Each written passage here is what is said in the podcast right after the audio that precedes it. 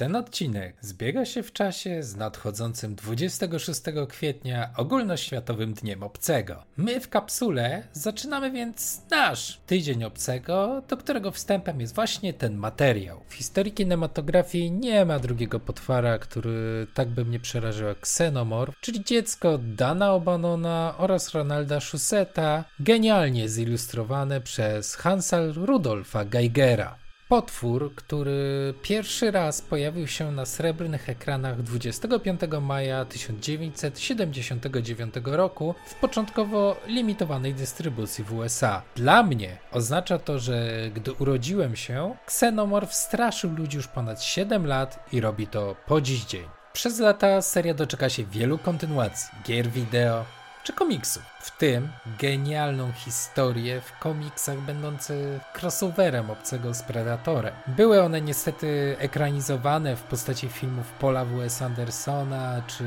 braci Strause, ale tak samo jak z The Predator Shane'a Blacka, ja tego nie uznaję. To się nie wydarzyło. Można powiedzieć, że Xenomorph jak również postać Ellen Ripley, czyli protagonistki serii, stały się ikonami popkultury. A będąc przy niesamowitych postaciach kobiecych, chciałabym zobaczyć w tym kanonie również Machiko Noguchi. Nawet mam wizję, kto mógłby ją zagrać, ale o tym kiedy indziej. Jednak wracając do sedna, jak doszło do powstania tego filmu? Jaką drogę przeszli twórcy, by stworzyć to dzieło, które blisko 45 lat później nadal jest szeroko omawiane, nadal straszy i żyje własnym życiem? Na te i inne pytania postaram się odpowiedzieć w tym sezonie. Jestem Chewy, a to jest Cinematic Gamer. Osoba, o której się mówi jako głównym twórcy postaci Xenomorfa, a mianowicie Daniel Thomas O'Bannon, urodził się 30 września 1946 roku. Scenarzysta, reżyser, montażysta, twórca efektów specjalnych, który cierpiał na okropne bóle brzucha. Jednak po kolei. Artysta próbował swoich sił na kilku uczelniach. Jednak tą najważniejszą dla tej historii jest USC, czyli University of Southern California.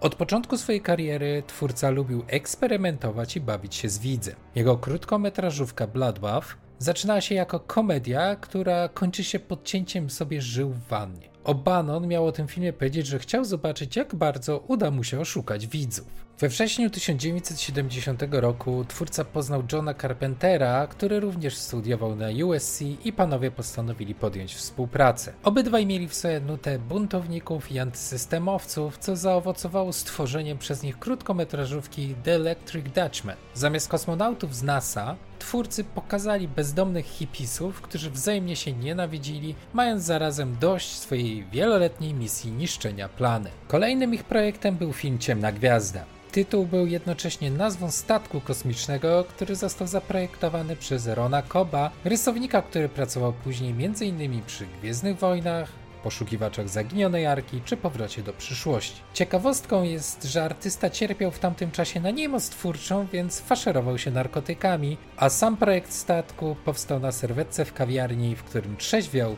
po zażyciu LSD. W tym samym czasie O'Bannon miał objawienie i zaczął pisać scenariusz do filmu o roboczym tytule Memory. Miała to być historia o małym statku wydobywczym, który odbiera sygnał SOS. Po przyleceniu do jego źródła, komputer pokładowy odszyfrowuje wiadomość, która okazuje się ostrzeżeniem, by nie lądować na tej planecie. Antagonistą miał być niewidzialny potwór o zdolnościach parapsychologicznych w stylu potwora z zakazanej planety z 1956 roku w reżyserii Freda Wilcoxa. W międzyczasie Ciemna Gwiazda rozrastała się i z początkowo czarno-białego krótkiego metrażu stała się pełnometrażowym filmem kolorowym. Panowie Carpenter oraz O'Bannon potrzebowali producenta i zgłosili się do Jacka Harrisa, który kazał im wprowadzić kilka poprawek, a następnie dzieło miało premierę podczas festiwalu Filmex w Los Angeles w 1974 roku. Dzieło spotkało się z bardzo ciepłym przyjęciem chwalono efekty specjalne oraz reżyserię. Film trafił do dystrybucji kinowej i finalnie doprowadził do rozpadu współpracy Carpentera i O'Banona. Ten drugi bardzo cierpiał z tego powodu, że wszystkie zasługi przypisywano Carpenterowi, a dodatkowo męczyły go przewlekłe bóle brzucha.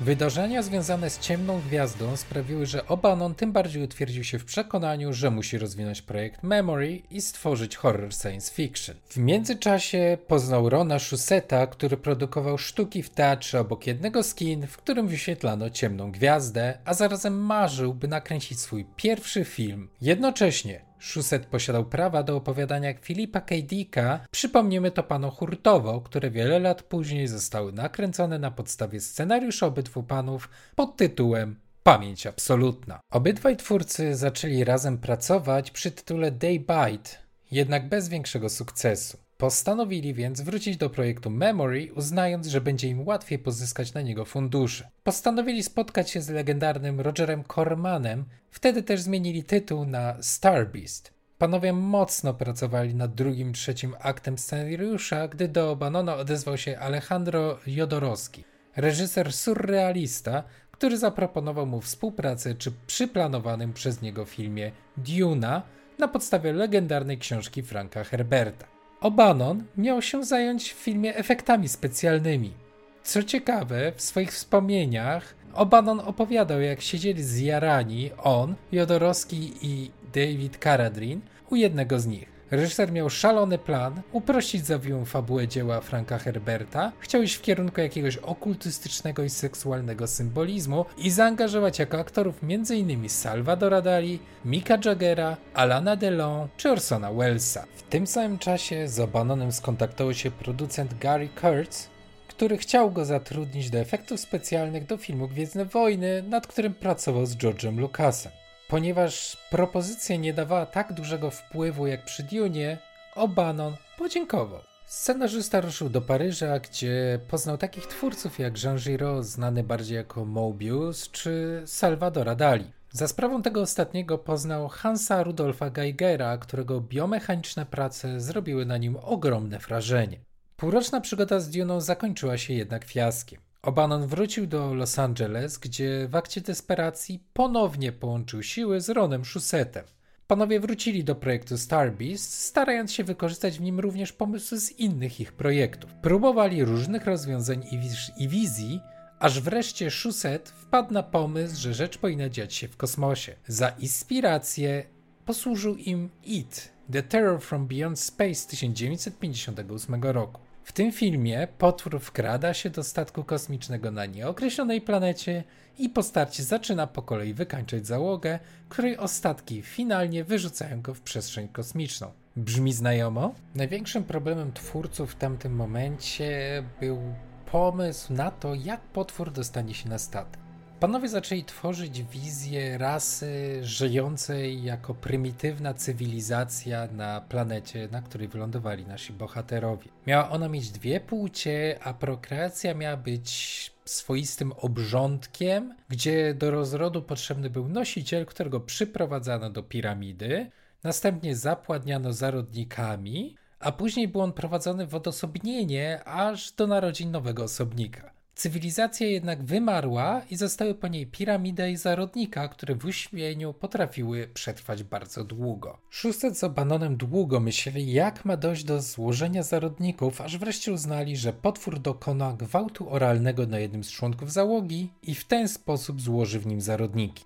Ponieważ chcieli uniknąć tego, by widownia postrzegała film erotycznie, od razu ustalili, że ofiarą będzie mężczyzna. To były lata 70. Musimy pamiętać, że wtedy postrzeganie i mentalność była zupełnie inna niż obecnie. Panowie rozwiązali w ten sposób problem, jak dojdzie do zapłodnienia. Pozostało więc ustalić, jak potwór z nosiciela się wydostanie. Jak kilkukrotnie podkreślałem, Obanon cierpiał na przewlekłe bóle brzucha. Wiele lat później okazało się, że była to choroba leśniowskiego krona, czyli w uproszczeniu przewlekłe zapalenie przewodu pokarmowego. Scenarzysta zwykł mówić, że czuje się jakby wewnątrz niego było piekło, z którego próbuje wydostać się jakiś demon. W ten sposób panowie wpadli na pomysł, że potwór będzie wyskakiwał przez klatkę piersiową.